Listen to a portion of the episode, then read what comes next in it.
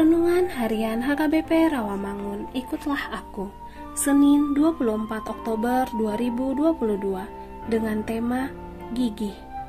Bacaan kita pada pagi hari ini diambil dari Rut pasal 2 ayat 1 sampai dengan ayat 23 dan bacaan kita pada malam hari ini diambil dari Galatia pasal 4 ayat ke-1 sampai dengan ayat ke-7.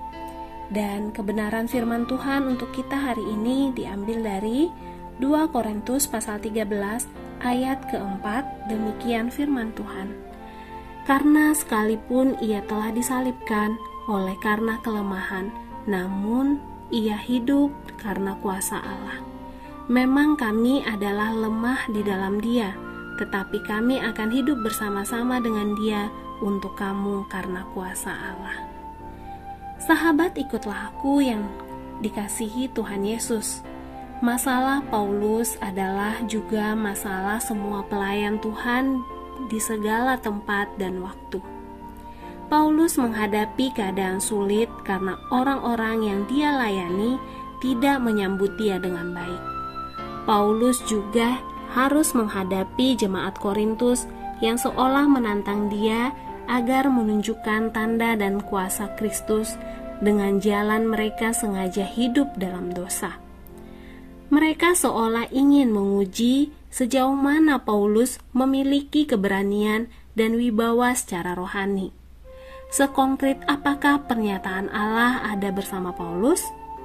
Ketika datang nanti, Paulus akan bertindak dalam wibawa Kristus ia tidak akan lagi menyayangi orang-orang yang terus hidup dalam dosa. Ia akan menjalankan wibawa rasulinya dalam mendisiplinkan mereka yang tidak memelihara kekudusan. Paulus akan bertindak sebagai rasul Kristus untuk menertibkan dan memurnikan jemaatnya. Paulus mengingatkan bahwa seperti Kristus menyatakan kuasanya di dalam dan melalui salib yang lemah, demikian juga Paulus. Di dalam pelayanan sesulit apa pun, kita dapat yakin bahwa apabila kita menempuh prinsip salib Kristus, maka kuasa dan penyertaannya juga wibawa kehadirannya akan dinyatakan. Pengikut Tuhan memang harus sabar dan rendah hati, tetapi juga harus memiliki wibawa ilahi. Hidup tanpa ujian adalah hidup yang tidak layak untuk dihidupi. Maka gigihlah memperjuangkan serta memenangkan bersama dengan Kristus. Amin. Marilah kita berdoa.